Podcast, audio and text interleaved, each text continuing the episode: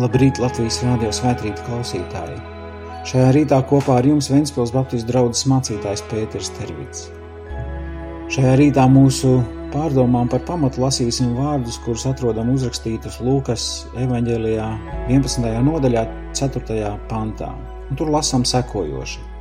Un piedodi mums mūsu grēkus, jo arī mēs piedodam katram, kas mums ir parādā, un neieved mūsu kārdināšanā Amen.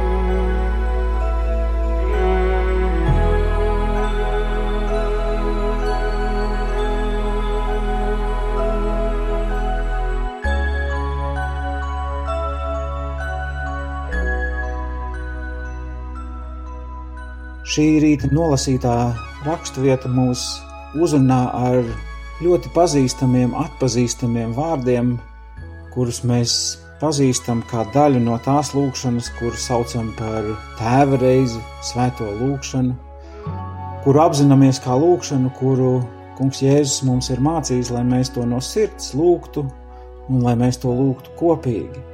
Taču evanģelists Lūkas pierakstā Tur ir kādas nelielas atšķirības un kādi nelieli uzsvari, un šajā rītā jo īpaši man uzrunā tas apgalvojums lūkšanā, jo arī mēs piedodam katram, kas mums ir parādā. 14. jūnija rīts ir rīts, kas mūsu tautai atgādina to, ka mums ir jāpiedod katram, kas mums ir parādā.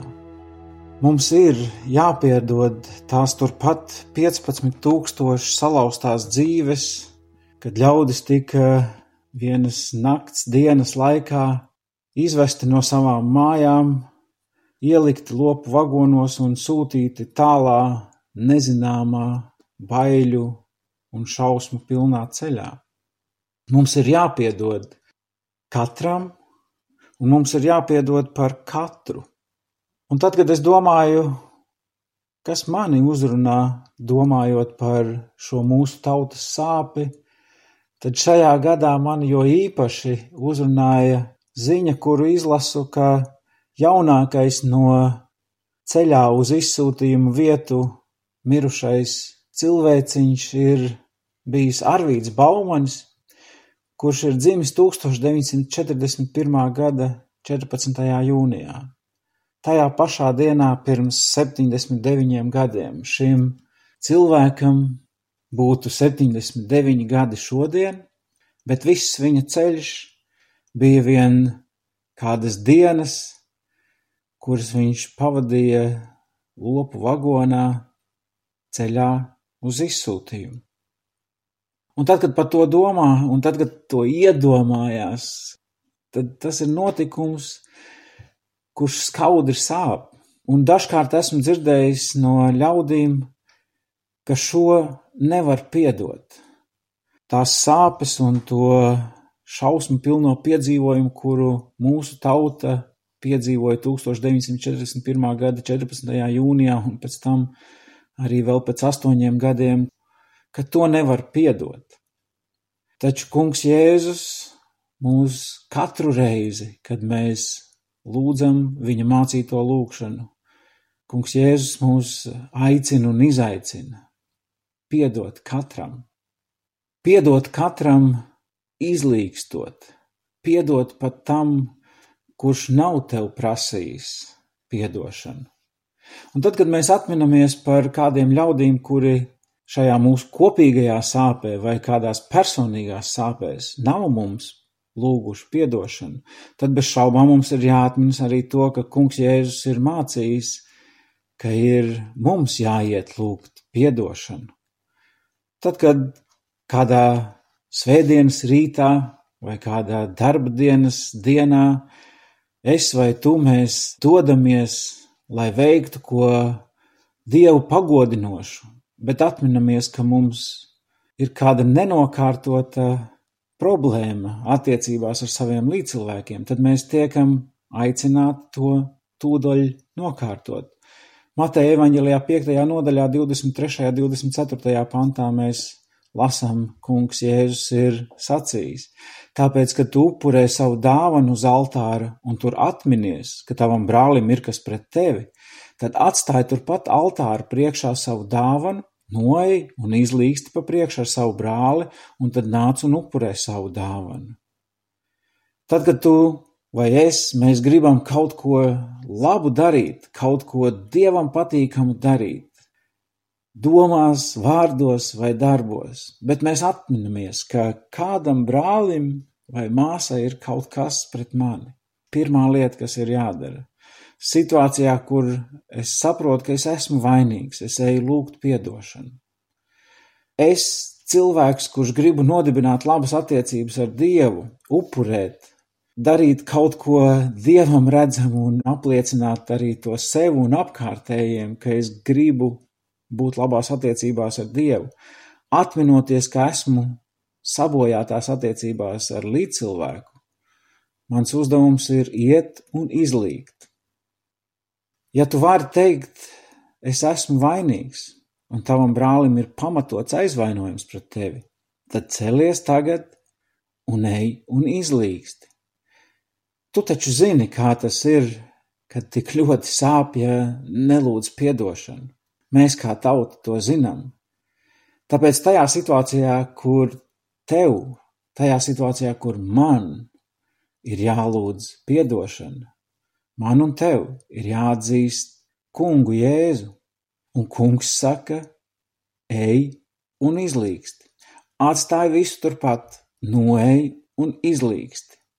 Tas ir šodienas, varbūt mūža, un varbūt pat mūžības lielākais izaicinājums manā un tavā dzīvē - iet un izlīgt.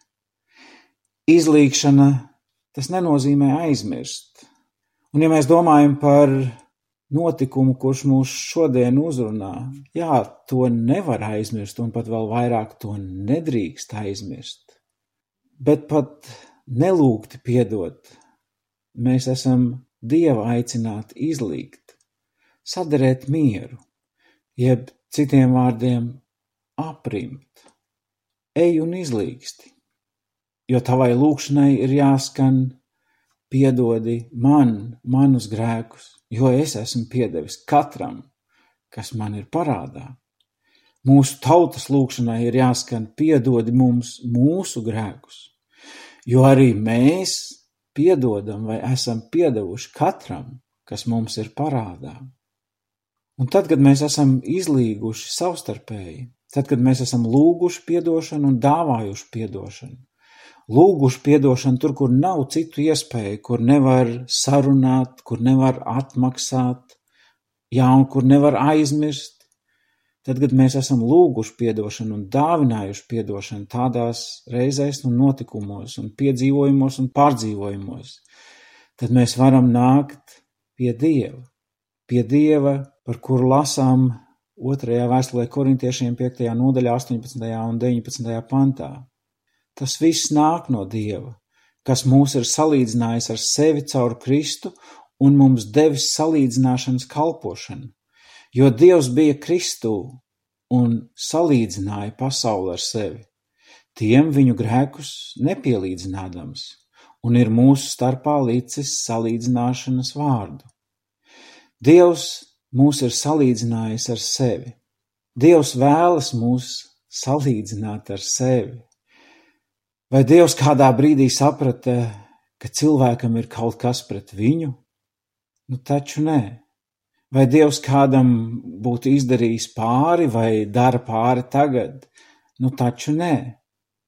Dažkārt gan mums cilvēkiem tā šķiet, Nevien mums šeit un tagad, bet mēs lasām arī ļaudīm tajā Dieva mīļotajā pilsētā Cijānā likās, ka tas kungs mani ir atstājis, tas kungs mani ir aizmirsis. Mēs varam teikt, ka tas ir ļoti cilvēcisks piedzīvojums un cilvēciskas sajūtas, ka mums liekas, ka mums šķiet, ka Dievs mūs aizmirstot mums ir pāri nodarījis. Pat cilvēks bez grēka, tas ir Jēzus sauc mans Dievs, mans Dievs, kāpēc tu mani esi atstājis? Grēku daudzums, kas krājās virsū Jēzu, Jēzum bija tik nepanesami liels, ka Dieva dēls teica šos vārdus. Viņam bija sajūta, un arī mēs dažkārt dzīvojam ar sajūtām, ka Dievs mūs ir atstājis. Taču Dievs kungu Jēzu bija atstājis mūsu grēku dēļ, jeb tāpēc, ka mēs Dievu bijām atstājuši, jeb tāpēc, ka mēs Dievu esam atstājuši. Mūsu grēku uzbūvētā siena, barjera ir tā, kas mums tā liek saukt.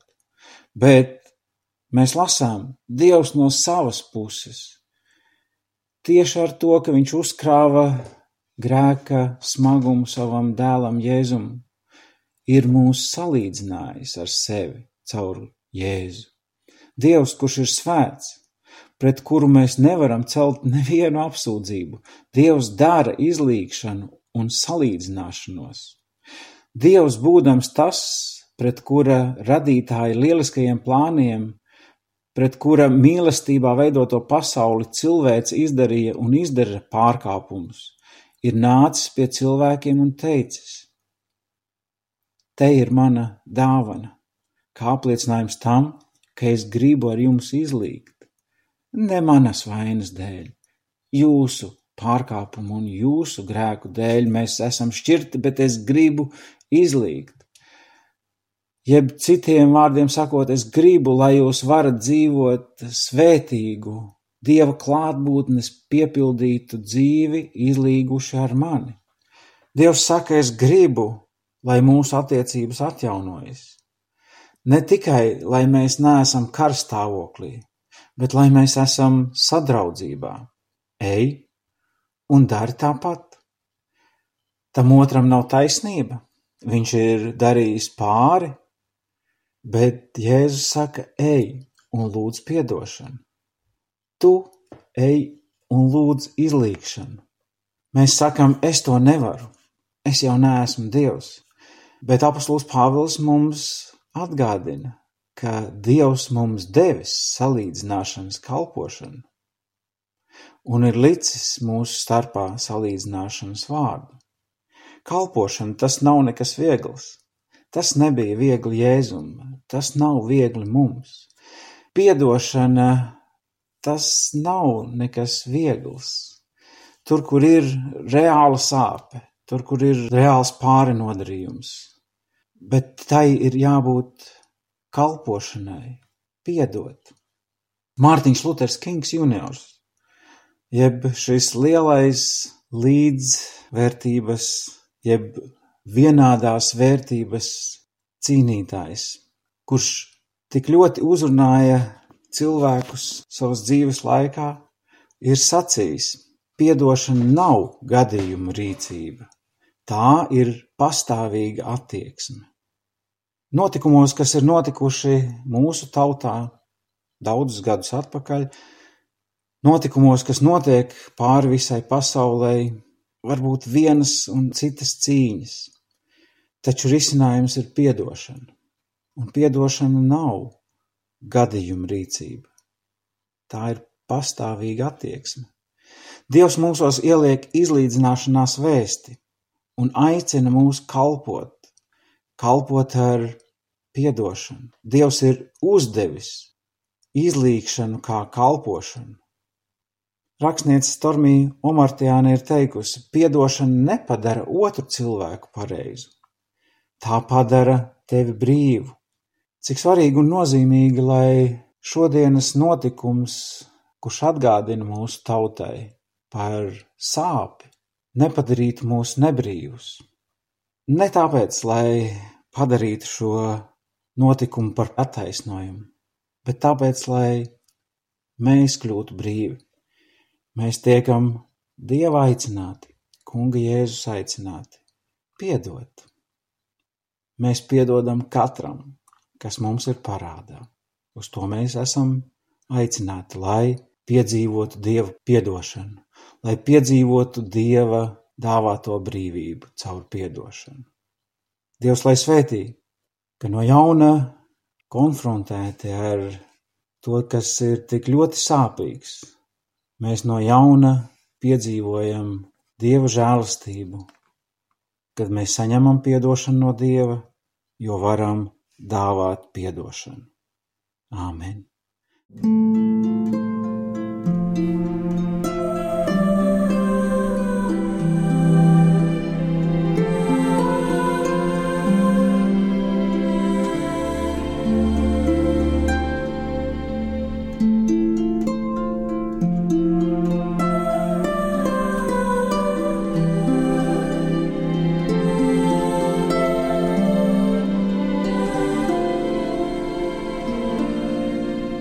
Lūksim Dievu. Kungs, Dievs, mēs nākam Tavā priekšā ar pateicību. Mēs nākam, Dievs, ar pateicību par to, ka Tu un Tevī ir risinājumi.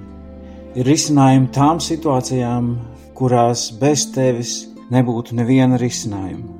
Dievs, mēs lūdzam, ka Tu ar savu žēlastību nāc un pieskaries mūsu dzīves konkrētajām vajadzībām, tur, kur ir kādi samezglojumi un sarežģījumi mūsu dzīvēs, jo īpaši tad, ja tie ir attiecībās ar citiem ļaudīm.